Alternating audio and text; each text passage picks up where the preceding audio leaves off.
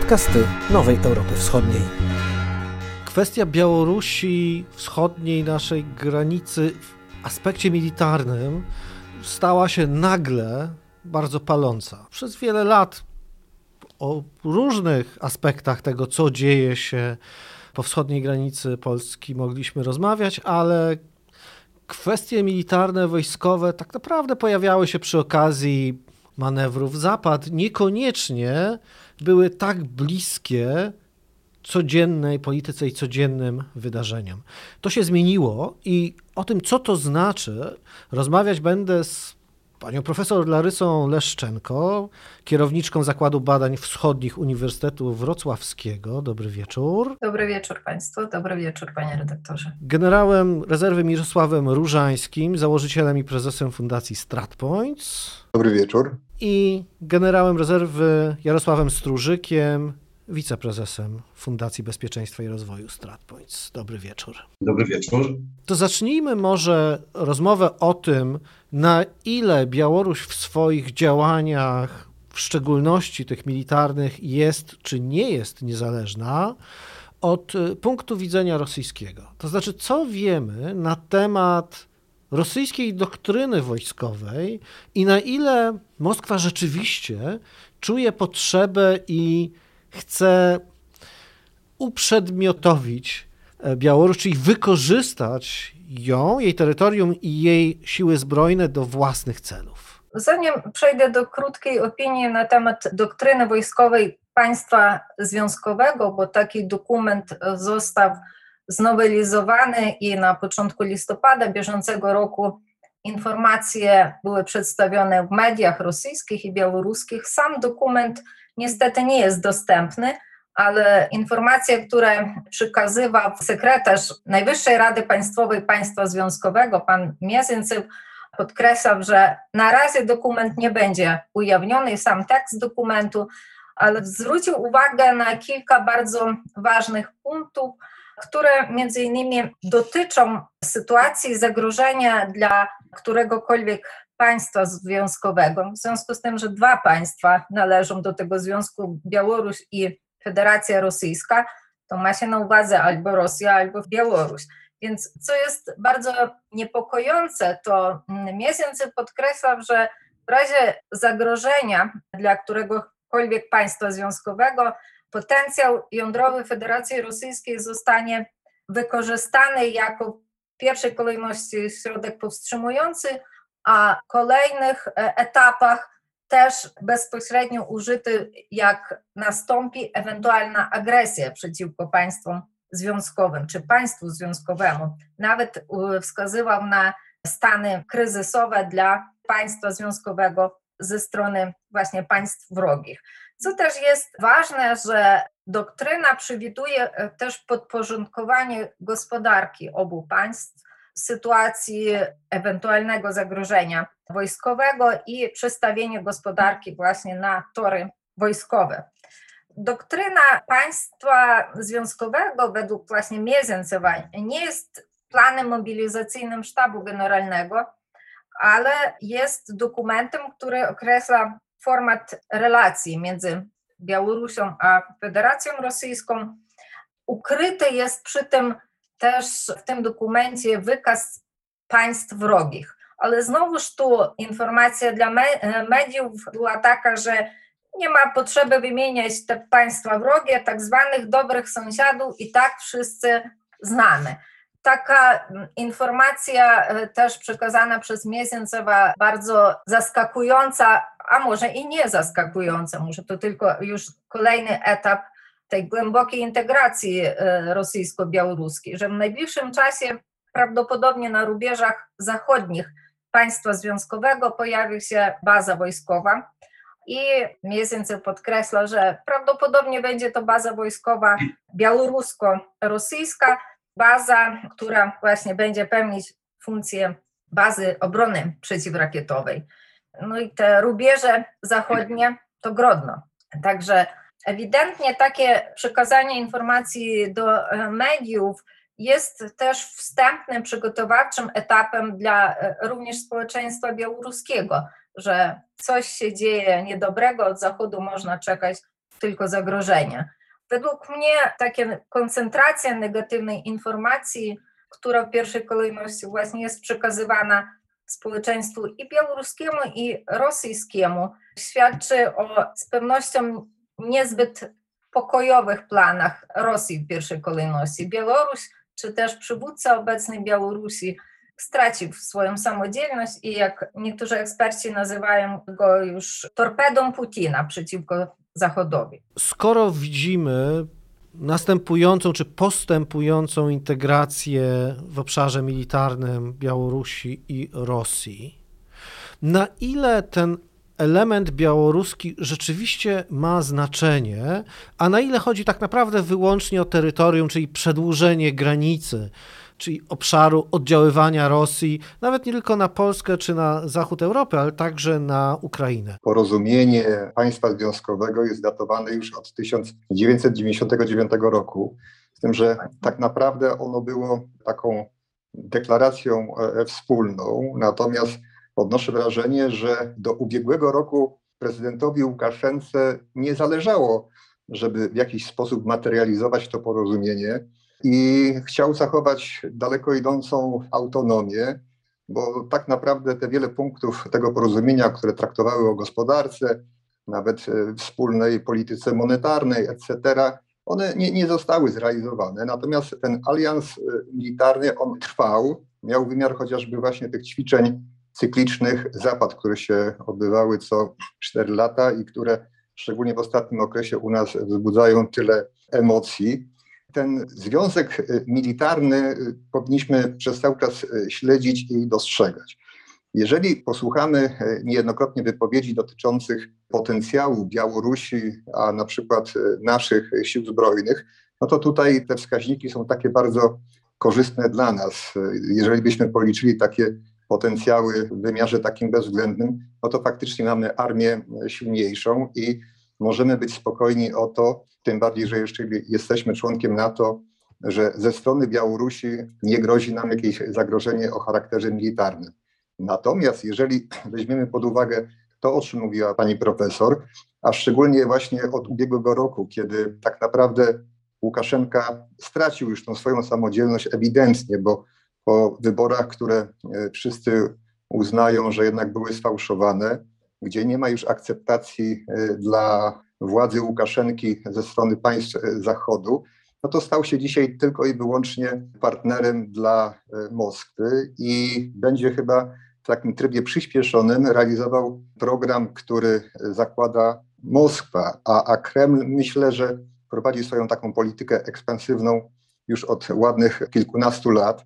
Jeżeli weźmiemy to pod uwagę i będziemy postrzegali sąsiada naszego, czyli państwo związkowe, ale już o potencjale militarnym nie liczonym tylko i wyłącznie na przykład obwód kaliningradzki i potencjał ten, który jest po stronie białoruskiej, czyli siły zbrojne Białorusi, tylko musielibyśmy sobie wyobrazić, że na pewno jakieś elementy zachodniego okręgu wojskowego rosyjskiego staną się częścią właśnie tego potencjału, to już jest oczywiście realne zagrożenie. Ta nowa baza, o której mówiła pani profesor, ona dzisiaj jest e, publicznie tak przedstawiana, że to ma być taki ośrodek szkoleniowy dla lotnictwa myśliwskiego i obrony przeciwlotniczej, co nie wyklucza tego, że tego typu sprzęt będzie w tej bazie stacjonował, czyli realnie do naszych granic przybliżają się systemy z jednej strony no, ofensywne, jakim jest lotnictwo, ale również ten system rakietowy, który będzie mógł oddziaływać tak naprawdę obszarze nie tylko Białorusi, ale, ale swym zasięgiem będzie obejmował również e, terytorium Polski. To stwarza sytuację taką, że ten e, dotychczas potencjał, który dla nas był korzystnym, staje się, powiem wprost, niepokojący i to powinniśmy brać pod uwagę. Tym bardziej to jest istotne, jeżeli będziemy spotykali się z taką narracją mówiącą o tym, że sami pewne rzeczy możemy rozstrzygnąć, ja jednak bym przywołał tutaj to, co się dzieje w tej chwili na granicy polsko-białoruskiej, że dopiero teraz jakaś jest ofensywa trochę dyplomatyczna ze strony polskiego rządu, a dotychczas słyszeliśmy, że możemy sami pewne rzeczy rozwiązać. Mówię o tym kryzysie granicznym. I jeżeli tego typu narracja będzie podnoszona, że, że my będziemy też mogli sami w takiej sytuacji zabezpieczyć nasze bezpieczeństwo, to uważam, że to może być trochę ślepy zaułek i powinniśmy tutaj teraz mocno zrewidować chyba nasze podejście w stosunku do wszystkich członków Sojuszu Północnoatlantyckiego, tak aby sobie nasi partnerzy uzmysłowili, że jeżeli dojdzie do tego aliansu, o którym mówimy, takiego silnego militarnego, to będzie to już realne zagrożenie, z którym sojusz powinien się zmierzyć. Mówiliśmy o połączeniu politycznym, połączeniu większym lub mniejszym integracji e, sił zbrojnych. Natomiast e, to, co widzimy, to niekoniecznie przygotowania do takiej klasycznej wojny kinetycznej, tylko możliwość także połączenia potencjałów informacyjnych, połączenia potencjałów oddziaływania na społeczności, czy w Polsce, czy na Litwie, czy na zachodzie Europy. Na ile jesteśmy jako kraj i jako Sojusz Północnoatlantycki przygotowani na stawienie czoła właśnie takim potencjałom tej nowej wojny? Rzeczywiście to, o czym mówi pan redaktor, jest istotne. Natomiast wydaje mi się, że też jesteśmy trochę winni tego szerszego obrazu również wojskowego, bo nie możemy go zaniedbywać, musimy go pokazać. Mówiła o tym też pani profesor o doktrynie, pan generał o wspólnym regionalnym zgrupowaniu wojsk, już o, o, o długiej tradycji, wchodzącym w trzecią dekadę. I trzeba jasno też powiedzieć, że współpraca wojskowa i współpraca wojskowo-techniczna to jest najbardziej efektywny obszar integracji w ramach państwa związkowego. Z dużymi tradycjami. I to pytanie nasze, czy, czy to już Białoruś, czy Rosja, można by trochę parafrazować, że Białoruś nigdy nie była Białorusią, ale nie była nigdy samodzielna. Oczywiście Rosji zależy na tym, żeby mieć ten bufor w postaci czy Ukrainy, czy właśnie Białorusi. Utraciła go poprzez dołączenie do, NATO Litwy, Łotwy i Estonii, ale to jest potencjał jednak wojskowy w, w ramach tego wspólnego zgrupowania e, wojsk. Sama liczba żołnierzy, około 50 tysięcy białoruskich żołnierzy, rzeczywiście być może nie stanowi takiego wielkiego potencjału. Natomiast wraz z pierwszą armią pancerną, wraz ze sprzętem rosyjskim, które otrzymuje, czy też kupuje pewnie po preferencyjnych cenach Białoruś, to jest dosyć duży potencjał, również w kategorii przeciwlotniczych zestawów S-300. Mówimy teraz o ewentualnym doprowadzeniu, czy też e, usytuowaniu na terenie Białorusi Iskanderów, e, rakiet Ziemia-Ziemia. Więc tutaj mamy, mamy szereg takich elementów. Rzeczywiście co cztery lata ćwiczenia Zachód są najważniejsze, ale co dwa lata również odbywają się, czy też w tych okresach między zapadami odbywają się takie ćwiczenia tarcza związku, typowo białorusko-rosyjskie. Również biorą udział w wspólnych szkoleniach sił operacji specjalnych w ramach organizacji Układu o Bezpieczeństwie Zbiorowym. Więc tutaj mamy dosyć, dosyć szeroką kooperację i to jest również połączony system obrony powietrznej. To jest naprawdę wartość dodana, bym powiedział, co powinniśmy obserwować i z czym się jednak mierzyć. Bo siłą właśnie Rosji przecież jest to, że buduje silny pion, powiedziałbym, konwencjonalny, wzmacnia swoje siły zbrojne i dlatego też może sobie pozwalać na te działania po tej stronie informacyjnej, bo ma też silną podstawę wojskową. Ale jeszcze o jednej rzeczy chciałbym powiedzieć, o tej współpracy, bardzo E, powiedziałbym, kompleksowej, to jest współpraca e, kompleksu wojskowo-przemysłowego. I rzeczywiście tu trzeba też sobie powiedzieć, że po utracie, w cudzysłowie oczywiście, Ukrainy i pewnych komponentów do budowy e, śmigłowców, silników w roku 2014 ta współpraca ustała. Putin zaczął się martwić, że może stracić pewne wsparcie również tego kompleksu wojskowo-przemysłowego z Białorusi. A to jest dosyć mocny element. Według tych analiz, które ja czytałem, to jest około 15% tamtejszych wszystkich zamówień e, potrzebnych Federacji Rosyjskiej stanowią komponenty z Białorusi. Białoruś jest, e, e, powiedziałbym, mistrzem budowy platform do zestawów pocisków rakietowych, różnych innych, nawet do tych, powiedziałbym, mniejszych systemów Smiercz, takich rakietowych, powiedziałbym, dla tych, którzy mniej wojskowo, takich Katiusz starych, które stanowią też bardzo duże zagrożenie. Są też inne, bardziej nowoczesne, quasi prywatne spółki typu Peleng, która też produkuje broń do walki radioelektronicznej, systemy termowizyjne. Więc tutaj jest szereg takich przedsiębiorstw. To jest nawet około setka przedsiębiorstw tego całego systemu, który jest dosyć silny, dobrze zorganizowany, stanowi oczywiście pewną konsekwencję jeszcze działań w Związku Radzieckim, tak samo jak na Ukrainie, to był ten podział. Przecież wszystkie państwa miały w tym czasie pewne zadania, które miały robić na rzecz całego Układu Warszawskiego. Więc to jest najbardziej zachowany i najsilniejszy segment, który chciałbym, żebyśmy też mieli na uwadze. Natomiast to do pytania pana redaktora, no przecież mamy też informacje na temat ataków e, cybernetycznych białoruskich, to też jest pokłosie współpracy na pewno z Rosją i na tym polu wojny informacyjnej jesteśmy daleko w tyle i powiedziałbym przegrani i zarówno w tym wymiarze ataków cybernetycznych, jak i takiego przekazu, w którym ten trochę zaszczuty Łukaszenka jest bardzo, bardzo efektywny. Oczywiście też należy się martwić jego stanem psychicznym, bo właśnie e, ten element nawet tych kilkudziesięciu tysięcy żołnierzy mógłby stanowić zagrożenie dla jakiejś naszej, powiedziałbym, wschodniej granicy, przy tym powiedziałbym e, sukcesie odparcia tych kilku tysięcy czy może więcej uchodźców, migrantów, to jednak e, no, nie wiem, na ile jesteśmy przygotowani w tej chwili, pomimo szumnych zapowiedzi, do takiej twardej operacji bojowej, gdyby E, jeszcze raz użyję tego słowa, zaszczuty Łukaszenka postanowił za zgodą pewnie Putina, albo czytając w myślach Putina, rozpocząć jakąś, e, powiedziałbym, e, minimalną operację wojskową na naszej wschodniej granicy. Więc tutaj sytuacja jest bardzo niepewna.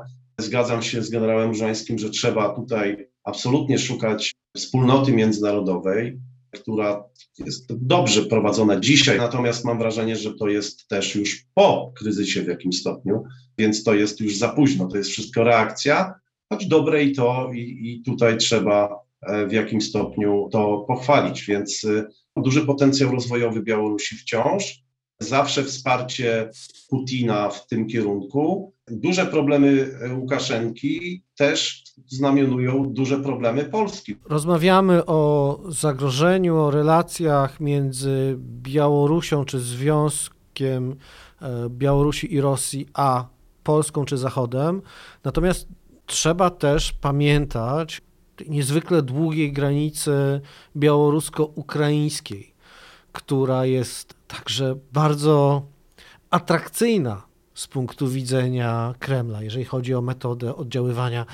Na ile Ukraina rzeczywiście powinna obawiać się integracji rosyjsko-białoruskiej i co może zrobić, żeby zapewnić sobie tutaj bezpieczeństwo? Gdzie szukać tego bezpieczeństwa czy wsparcia? Rzeczywiście granica białorusko-ukraińska, która stanowi 1084 km, czyli bardzo dużo, obecnie jest już traktowana na Ukrainie jako granica e, rosyjsko-ukraińska. I to jest ogromne niebezpieczeństwo, ponieważ e, granica ta była do tej pory słabo strzeżona i e, mobilizacja Gwardii Narodowej, Policji i wojska na Ukrainie obecnie właśnie jest związana z tym, żeby wzmocnić ochronę granicy białorusko-ukraińskiej jeszcze, czy już rosyjsko-ukraińskiej. Jeszcze do niedawna Łukaszenka twierdził, że Ukraina nie ma czego się obawiać ze strony Białorusi. Jak już Białoruś najedzie Ukrainę, to tylko traktorami i kombajnami. Pomoże tylko gospodarczo, nic poza tym. Rzeczywiście jeszcze do 2019 roku współpraca e, handlowa, ekonomiczna ukraińsko-białoruska była na całkiem przyzwoitym poziomie. Rzeczywiście dla Białorusi Ukraina jest partnerem handlowym i Ukraina zajmuje drugie miejsce po Federacji Rosyjskiej w wymianie handlowej. Także dla Łukaszenki, dla Białorusi odżegnać się od takiego sąsiada no, byłoby niemądre. Chociaż rzeczywiście procentowo ten obrót e, handlowy, inwestycje rosyjskie przeważają wszystkie e, razem wzięte, bo stanowią prawie 50%. Natomiast Ukraina, zajmując właśnie to drugie miejsce w wymianie handlowej z Białorusią, to dopiero około 7,5% wymiany i tak wyprzedza na przykład Polskę, Niemcy czy nawet Turcję, nawet Chiny.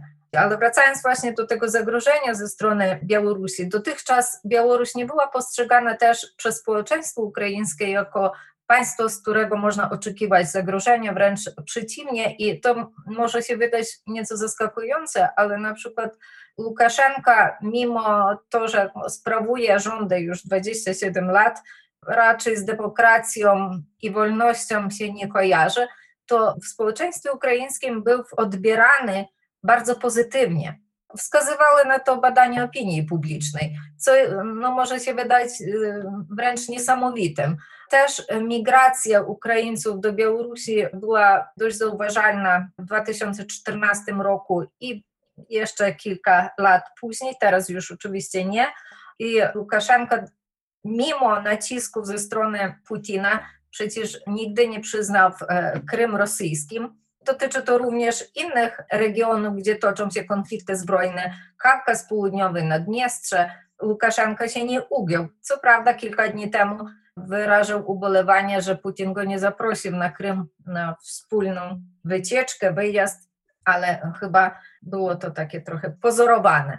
Wydaje mi się, że obecnie w społeczeństwie ukraińskim dopiero zaczyna się zmieniać nastawienie wobec nie Białorusinów, nie, tylko wobec Łukaszenki, że e, jest to polityk, który nie kojarzy się już z dobrosąsiedztwem, ale też warto zwrócić uwagę właśnie, że ta granica ukraińsko-białoruska nie była przez wiele lat obudowana w odpowiednie systemy techniczne czy też e, monitoring, bo nie było takiej potrzeby i takiej obawy. Pamiętając o tym, że Ukraina już ósmy rok na terytorium Ukrainy toczy się wojna i wszystkie siły skupione na wschodzie Ukrainy, a nie zdawano może nawet sobie sprawy przez długi czas, że ta granica z Białorusią może też stanowić zagrożenie. Widzimy rosnącą integrację rosyjsko-białoruską, rozwój potencjału. W jaki sposób Polska czy NATO powinny na to reagować? To znaczy, wspomniał Pan już o działaniach dyplomatycznych, ale czy to jest proces i zjawisko na tyle nowe, że wymaga przeorientowania kierunków rozwoju y, sił zbrojnych, a może spodziewaliśmy się tego od dawna i wpisuje się w jeden z e, gotowych scenariuszy budowania systemu bezpieczeństwa Polski i Sojuszu Północnoatlantyckiego. My w tej chwili prowadzimy y, taką dyskusję i trochę tak terytorialnie zamykamy się w regionie, bo tak mówimy o Polsce, mówimy o, o Białorusi, w tej chwili dotknęliśmy też e, i naszego sąsiada, czyli Ukrainę, no i oczywiście Federacja e, rosyjska. Ja uważam, że, że jeżeli na te jakże ważne tematy spojrzymy przez chwilę w takim szerszym spojrzeniu geopolitycznym, jeżeli zdamy sobie sprawę, że tutaj jednym z podmiotów naszej dyskusji jest Rosja, która czy chcemy, czy nie, jest e, graczem globalnym. I tutaj chyba nikt nie będzie miał wątpliwości co do tego, że to jest właśnie E, taka superliga. Tak? Mówimy tutaj o, o Rosji, o, o Stanach Zjednoczonych, o Chinach. Ten e, wyścig w tej chwili on ma kilka oczywiście wymiarów, bo jest e, to wyścig też i gospodarczy, szczególnie Chiny, Stany Zjednoczone, militarny owszem również i tutaj Rosja jest w sposób istotny postrzegana w tym wymiarze. Jeżeli mówimy o Polsce, mówimy o NATO, no to musimy pamiętać, że głównym graczem sojuszu są Stany Zjednoczone, które są niekwestionowanym liderem, jeżeli chodzi o kwestie potencjału i zdolności e, militarnych. I te kwestie, które dzisiaj my dotykamy, o nich powinniśmy pamiętać, że właśnie Rosja, która jest jednym z podmiotów, o którym dyskutujemy, jest postrzegana i chyba tutaj wszyscy się e, zgadzają, mówię w tej chwili o Sojuszu Północnoatlantyckim, gdzie Rosja jest wskazywana jako ten kraj, który jest z jednej strony nieprzewidywalny co do swojej polityki, jaką e, będzie e, prowadził, a z drugiej strony no, jednoznacznie też jest wskazywana jako to państwo, które możemy określać, że, że ono może stać się potencjalnym przeciwnikiem. I dla nas, jako dla członka Sojuszu Północnoatlantyckiego, szczególnie jeszcze tak usytuowanego, czyli krótko mówiąc, stanowimy tą wschodnią flankę, czyli jesteśmy tym krajem granicznym dzisiaj z Białorusią, w pewnym fragmencie też z Rosją, pamiętajmy o obwodzie kaliningradzkim, ma to niezwykle istotne znaczenie, bo jeżeli na to spojrzymy w takim wymiarze trochę retro, tak, to jesteśmy tym krajem, który może być pierwszy, gdzie jeżeli byłaby sytuacja konfliktu zbrojnego, to moglibyśmy być tym pierwszym teatrem, gdzie odbywałyby się pierwsze chwile tego konfliktu. I to jest niezwykle istotne i, i ważne. W tym momencie oczywiście niejednokrotnie słyszymy o artykule 5, który mówi o wspólnej kolektywnej obronie. Ja wtedy często przypominam, że, że jest jeszcze taki artykuł trzeci, który mówi o tym, że każde z państw powinno budować swój e, potencjał i go rozwijać na miarę swoich możliwości, aby być zdolnym do obrony. Oczywiście wszystkie te rzeczy, które są i dzieją się na wschód od naszej granicy, czyli na terenie Białorusi i Federacji Rosyjskiej, powinny być e, wyznacznikiem do tego, jak powinny się rozwijać nasze siły zbrojne. Jest taki pewien algorytm, ja go nie będę opisywał szeroko, ale on jest wszędzie e, tak naprawdę stosowany, czyli e, zawsze dobiera się, krótko mówiąc, możliwości państwa i budowę swojego potencjału obronnego, w tym sił zbrojnych, do przewidywanego zagrożenia. I gdybyśmy wyszli właśnie z takiego założenia, że musimy mierzyć się nie tylko z Białorusią, to co mówiliśmy wcześniej, że ten potencjał jest taki korzystny dla nas e, ilościowy, jeżeli chodzi o siły zbrojne Białorusi, a nasze siły zbrojne, ale jeżeli jednak spojrzymy na to przez pryzmat taki, że ten alians e, jest coraz bardziej wyrazisty i on, on się tak naprawdę dokonuje i trzeba przewidywać, że będzie się pogłębiał, to powinniśmy również dążyć do tego, aby podejmować takie działania, że nasze siły zbrojne, mimo że jesteśmy w Sojuszu Północnoatlantyckim, powinny być przygotowywane na adekwatne zagrożenia. I teraz, y, jeżeli spojrzymy nawet na, na w ostatnich tygodniach pewne deklaracje, które są e, w Polsce przedstawiane o armii, która ma liczyć 300 tysięcy, nawet e, są politycy, którzy mówią, że to będzie minimum. A jeżeli weźmiemy pod uwagę tak naprawdę, jakie są zdolności ekonomiczne naszego kraju, jaka jest kondycja gospodarki, to tutaj tego typu deklaracje ja osobiście spoglądam na nie co najmniej z powątpiewaniem, czy, czy one są możliwe do zrealizowania, bo nie jest kwestia dzisiaj chyba liczebności e, sił zbrojnych, a bardziej byśmy się powinni skupić na tym, aby posiadać takie systemy, które będą adekwatne do zagrożeń, które ze strony tak naprawdę Rosji mogą zaistnieć.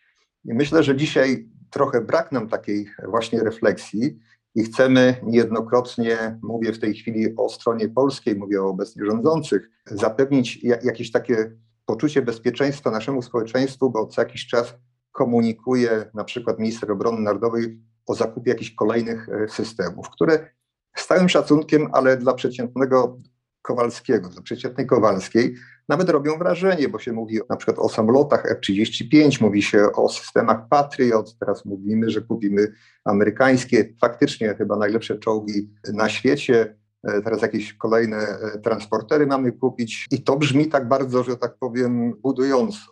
Natomiast ci, którzy się znają na rzeczy, eksperci, no zachodzą w głowę niejednokrotnie, według jakiego planu i według jakiej koncepcji obrony naszego państwa że tak powiem, można wpisać te poszczególne systemy, bo, bo są one troszeczkę, że tak powiem, chyba niespójne, jeżeli chodzi o, o całość systemu, którym by posiadały siły zbrojne albo będą posiadały, jeżeli wszystkie te zakupy zostaną e, e, zrealizowane. Myślę, że byłoby dobrze, żeby nastąpiła taka pewna refleksja w zakresie tego, jakie są realne zagrożenia ze strony właśnie Rosji, nawet via Białoruś i w stosunku do tego powinniśmy budować zdolności obronne państwa, w tym oczywiście potencjał e, sił zbrojnych. Dzisiaj tego niestety nie zauważam. Wiem, że to jest może nie najlepsza taka refleksja, ale uważam, że każda chwila jest dobra do tego, aby ewentualnie może pewne procesy zatrzymać i, i rozpocząć je od początku.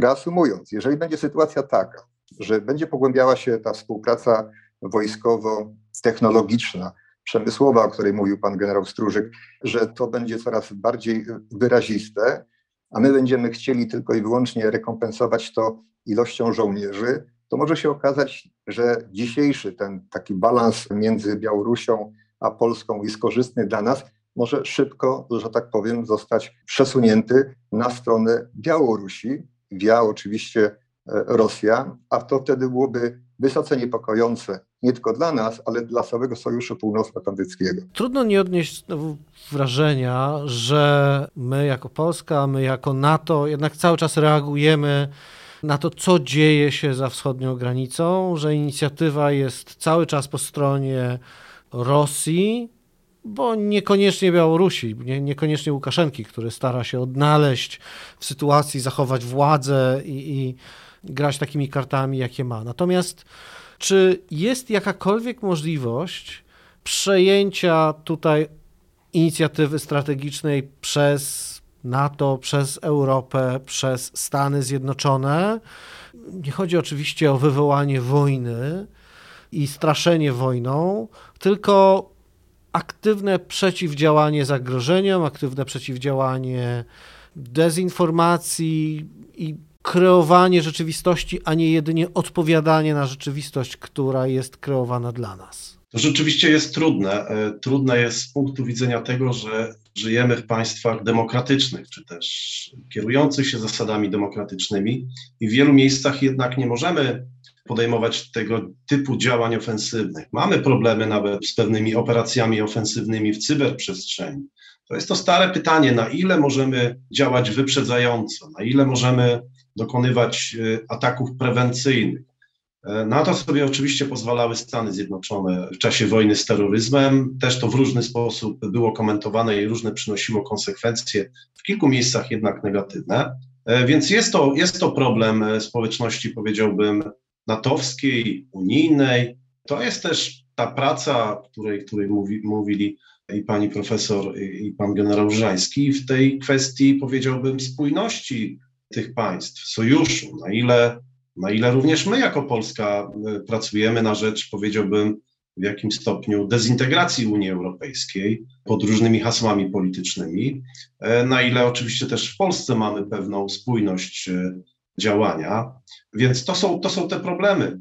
Mówiąc też o NATO, wspomniany był artykuł 5 i artykuł 3, też usłyszeliśmy, że jednak nie będzie dyskusji w NATO w ramach artykułu 4, czyli y, właśnie konsultacji politycznej wobec zagrożenia integralności politycznej, też terytorium jakiegoś państwa sojuszniczego. I to jest zły sygnał, powiedziałbym, bo mówiąc trochę od kuchni brukselskiej, znając te mechanizmy kuchenne, w poprzednim moim wystąpieniu mówiłem o pozytywnych aspektach ofensywy dyplomatycznej i spotkań dyplomatycznych, ale to, że nie ma artykułu czwartego jest absolutną porażką. Nie dalej jak na początku września e, słyszeliśmy, że to jest największy kryzys, największe zagrożenie dla Polski w ostatnich 30 latach, dla niepodległości Polski, dla naszych granic, to pytanie brzmi, dlaczego nie było artykułu czwartego? Artykuł czwarty, wywoływany sześć razy do tej pory przez państwa natowskie, cztery razy bodajże przez Turcję i raz przez Polskę w 2014 roku, taka dyskusja się odbyła po kryzysie na Ukrainie, czy w czasie wojny na Ukrainie, która przecież trwa, ale w tej chwili, jeżeli nie, nie jesteśmy w stanie, ponieważ patrząc od kuchni, to nie jest tak, że któreś państwo wyśle pismo, zażąda od sekretarza generalnego, dyskutujemy artykuł czwarty nie, to musi być cicha zgoda wszystkich państw. Odbywa się to często zakulisowo, czy też w przeważającej większości, e, w czasie lunchu ambasadorów, którzy dyskutują we wtorki to, co będzie dyskutowane na głównym posiedzeniu w środę. Jeżeli nie ma jednomyślności w sojuszu co do tego, żeby te kwestie podnieść, dyskutować w ramach artykułu czwartego, to żadne państwo nie wystąpi oficjalnie. To jest też takie, powiedziałbym, podłoże dyplomatyczne. I tutaj no, jednak nie mamy wsparcia pełnego wszystkich członków NATO. Oczywiście nie jest wszystko naszym problemem. Problemem jest Turcja, problemem są y, pewnie i Węgry po cichu gdzieś, które pomimo tych buńczucznych naszych oświadczeń, że to są nasi przyjaciele, najlepiej współpracują i otrzymują medale, jak minister spraw zagranicznych Węgier ostatnio ważny rosyjski medal. Więc tutaj mamy też te problemy, które są w tej geopolityce dosyć mocno, powiedziałbym, eksploatowane. i to nie napawa w tej, z tej strony optymizmem. Gesty są rzeczywiście ważne i dzisiaj te gesty były pozytywne, ale substancja rzeczywista, czyli brak artykułu czwartego jest z mojej, w mojej opinii e, bardzo negatywny i, i też e, przecież tu nie chodziło też o Polskę. Nie zbudowaliśmy konsensusu w sojuszu, niestety. To jest fakt wobec artykułu czwartego. Magicznym artykule piątym dyskutujemy zawsze, oby nigdy nie trzeba było go e, używać. Też użyty przecież, jak wiemy, raz w 2001 roku, 12 września, dzień po zamachach na Nowy Jork i Waszyngton, więc mamy tutaj bardzo złożony obraz. Powiedziałbym, że jeżeli chcemy też, też trochę nawiązując do tego, co mówił pan generał Żeński, do polskiego, powiedziałbym, rynku politycznego, jeżeli chcemy budować konsensus w NATO, to najpierw powinniśmy go zbudować politycznie w Polsce, między wszystkimi siłami, e, mieć pełny obraz, nie powiedziałbym kreować fałszywego obrazu, nie oskarżać się nawzajem, bo to, co dzisiaj nawet ze strony rządu słyszymy, e, że ktoś próbuje z sił opozycyjnych, czy też z grona eksperckiego wahać Polską, przyczyniać się do jakiegoś pogłębienia e, stanu podziału w Polsce, to nie. W mojej ocenie twardej ten podział następuje od roku 2015, od listopada. Rozedrgania służb, rozedrgania wojska, rozedrgania innych aparatów systemów państwa, podstaw państwa. Więc y, popatrzmy szczerze na ten temat od sześciu lat, jak ten system jest rozedrgany i w czyim to jest interesie. Czy jest szansa, możliwość oddziaływania na Białoruś w jakikolwiek sposób na białoruskie społeczeństwo? Czy już w tej chwili w zasadzie jedynym adresatem jakichkolwiek argumentów musi być Kreml i tak naprawdę Białoruś już traci de facto swoją podmiotowość w rozmowach o, o bezpieczeństwie naszego regionu? Uważam, że właśnie społeczeństwo białoruskie ma ten pozytywny znak, że ono nie jest przeciw Zachodowi i nie jest tym bardziej przeciwko Polsce. I to jest bardzo ważny element, który jest na korzyść Białorusi. Z pewnością Białorusini nie, nie chcą stracić swojego państwa, suwerenności. Nawet może to się wyda niezbyt poprawne politycznie, ale Łukaszenka również dąży do tego, aby suwerenność Białorusi zachować jak najdłużej. Mimo jego bardzo niedemokratycznych metod rządzenia, w ostatnie miesiące widoczne to jest, że traci właśnie wpływ na to, co się dzieje we własnym państwie. Jego bardzo agresywne wypowiedzi, między innymi wywiad dla y, BBC, gdzie on nawet nie próbuje się powstrzymać od oskarżeń Zachodu bardzo emocjonalnie. Oczywiście w tym samym kluczu można zaobserwować, wypowiada się między innymi sekretarz Rady Bezpieczeństwa Federacji Rosyjskiej Nikolaj Patruszyw, który oskarża Zachód o handel ludźmi to, co się dzieje właśnie na granicy polsko-białoruskiej, dowiadujemy się, że to Zachód na tym zarabia. I tego typu wojna informacyjna ma oczywiście też cel, żeby społeczeństwo białoruskie zniechęcić wobec Zachodu.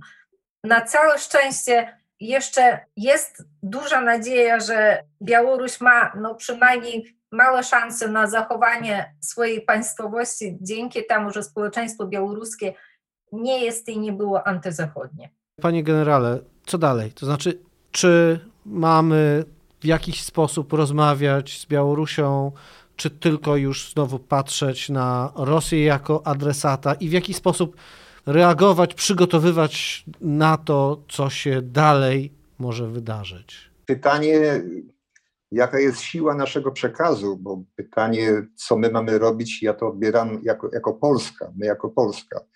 Najgorszym jest to, że, że w ostatnich tygodniach nie przejawialiśmy inicjatywy, żeby rozmawiać jednak e, z Białorusią, nawet z prezydentem Łukaszenką. Pytanie, czy będziemy rozmawiać z Moskwą, nasi dyplomaci z Ministerstwa Spraw Zagranicznych odpowiedzieli, że czekają na taki sygnał z Kremla, czy, czy będzie ewentualnie do nas skierowany. A z kolei wypowiedź e, pana prezydenta Dudy, który powiedział, że nie zaakceptujemy jakichkolwiek ustaleń, które są dokonane poza nami, czyli nad głowami e, Warszawy, stawia nas e, w niezwykle niekomfortowej sytuacji, najdelikatniej powiedziane. Więc e, jeżeli chodzi o tą taką naszą, czyli tylko i wyłącznie strony polskiej aktywność, to do tej pory żeśmy takiej po pierwsze nie przejawili. No teraz się wszyscy zachwycają tym, że pan premier odbył tur. Ja myślę, że tak naprawdę ta ofensywa jego dyplomatyczna bardziej jest zainspirowana ostatnim pobytem przedstawiciela Stanów Zjednoczonych w Polsce. Ja myślę, że my dzisiaj żeśmy tak skutecznie, że tak powiem, stali się niemową w tej narracji z naszymi wschodnimi sąsiadami, że chyba najpierw jednak powinniśmy, jak to jest możliwe, szybko naprawić nasze relacje, po pierwsze z Unią Europejską, ze wszystkimi krajami i przestać no, nawet kierować takie niezręczne słowa pod e, kierunkiem naszych partnerów e, z e, Unii Europejskiej, czy to najbliższego sąsiada Niemiec, czy, czy innych krajów, bo dzisiaj głos nasz, czyli tylko polski, on tak naprawdę przez nikogo nie będzie słyszany. I uważam, że, że to powinien być taki pierwszy kierunek, że tak powiem, czyli z powrotem, żebyśmy wrócili do, do krajów, że tak powiem, europejskich w zakresie rozmowy ze wszystkimi, żebyśmy stali się partnerem, a nie takim e, graczem stojącym e, albo na linii autowej, albo nawet poza linią autową, tak naprawdę na własne życzenie. I wtedy będziemy mogli mówić o tym, że można zacząć prowadzić rozmowę, dialog ze stroną wschodnią, czytaj Białoruś, Rosja, Rosja, Białoruś, bo w przeciwnym wypadku to podejrzewam, że ten nasz głos będzie albo bagatelizowany, albo w ogóle nie będzie słyszany. I tutaj jest taka moja rekomendacja. Odrobić, że tak powiem, te pewne nieprawidłowości, których żeśmy e, dokonali i dokonujemy na styku z Unią Europejską i również w NATO. Kiedy jeszcze w 2015 roku e, brałem udział w spotkaniach dowódców Sojuszu Północnoatlantyckiego, siadaliśmy przy takim stoliku pięciu państw. I tam było też miejsce dla nas. Dzisiaj już, już niestety e, tego miejsca nie ma. Straciliśmy po, po 2000 tak naprawdę 15 e, roku, a to jest e, wielka szkoda. I to chyba powinien być ten pierwszy krok, czyli znowu zbudować naszą pozycję mocną w Unii Europejskiej i w NATO, i wtedy będziemy mogli być też partnerem w rozmowach właśnie z tym graczem dużym, o którym wcześniej wspomniałem, który rozgrywa na tej szachownicy geopolitycznej, czyli Rosji. Bardzo dużo słyszymy terminologii też wojskowej, wojennej w odniesieniu do tego, co dzieje się na granicy z Białorusią, e, relacjach z Białorusią. Także ta terminologia wojskowa czy wojenna e, wykorzystywana jest w Mińsku. A może trzeba ten spór po prostu zdemilitaryzować, rozmawiać o kwestiach gospodarczych, społecznych, a jak najmniej o elementach militarnych. Tak, dziękuję bardzo panie redaktorze za to utopijne pytanie. Tak, trzeba ją ustawiać zdecydowanie inaczej, natomiast powiedzmy sobie szczerze i widzimy to i po sondażach, i po innych elementach dyskursu publicznego. Te elementy są skuteczne i dobre dla obydwu stron zaangażowanych. Pewna powiedziałbym, militaryzacja tego konfliktu, stawianie siebie w sytuacji jedynego obrońcy, ale zwycięzcą w tym jest jednak Łukaszenka, o czym tak twardo chyba nie mówiliśmy do tej pory. Jego po raz pierwszy po przegranych wyborach legitymizacja międzynarodowa, telefony. No, chodzi, powiem tak, chłop w chwale i glorii zwycięzcy i jest to sukces, pomimo tego, że jest i wciąż zdenerwowany i wie, że e, trudna przyszłość przed nim to jest trudne zadanie, zdecydowanie. Trudno być to optymistą, no, o czym rozmawiać z nim. Na pewno nie nazywać go już ciepłym człowiekiem. Ten czas już minął, myślę, bezpowrotnie. To jest szalenie trudne. Jak zachować pewne jednak kanały komunikacyjne? Jak być może kiedyś rozmawiać z Putinem na ten temat? My się wzdrygamy, u nas jest zdradą stanu wręcz wspomnieć, że moglibyśmy rozmawiać z kimś w Rosji. Wypominane są wciąż jakiekolwiek spotkania na tym szczeblu z ostatnich kilkunastu lat taka pewna paranoja polityczna. Oczywiście też i w przeszłości mogło być pewnie lepiej, ale budowanie różnych koalicji, to o czym mówił pan generał Różański, w tym wymiarze natowskim, też mieliśmy bardzo dobrą współpracę ze Szwecją w tym, w tym względzie, prawda? budowania partnerstwa wschodniego w ramach Unii Europejskiej, działania szerokiego. Tu nie ma już powrotu do, do jednak rozmów z Łukaszenką, nie ma jakichś prób nawiązywania kontaktów na szczeblu wojskowym, być może wspólnych ćwiczeń. No to już niestety nie wróci. I chyba przecież powinniśmy też to w jakimś stopniu podsumować, e, że jednak to jest już y, Białorosja, więc y, ten element Łukaszenki, e, nie wiem, czy to biologia zadziała kiedyś. Tutaj absolutnie jestem pesymistą, e, absolutnie odrabiajmy rzeczywiście, tak jak już zostało powiedziane, te lekcje z tego mini, mini, mini kryzysu militarnego, który odbył się w tej chwili, tego, co możemy zrobić w kategoriach wojskowych, różnych służb, przygotowania rzeczywistego, nie chwalenia się na defiladach sprzętem, ale rzeczywistego działania e, na granicy, przemieszczania, zabezpieczania logistycznego, wsparcia. To są te elementy, które myślę, że mam głęboką nadzieję, gdzieś są już tam odrabiane w zaciszu e, gabinetów i że one się przedostaną gdzieś, gdzieś wyżej. W tym wymiarze tego powiedziałbym trójkąta nawet białorusko-ukraińskiego i, i rosyjskiego,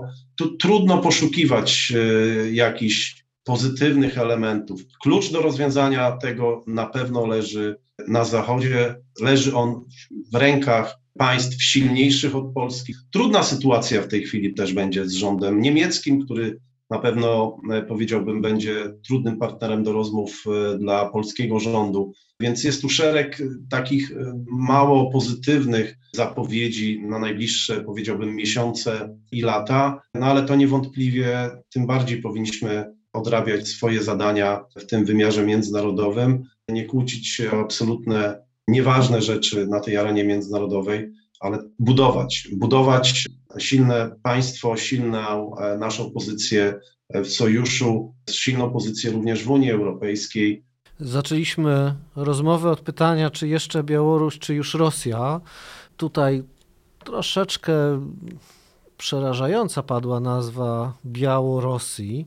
Jeszcze tam nie jesteśmy i mam wrażenie, że również Aleksandr Łukaszenka wcale się nie spieszy do tego. W związku z tym tutaj mogą pojawić się jeszcze inne pomysły na przyszłość, a na pewno bardzo wiele pytań cały czas e, w powietrzu wisi.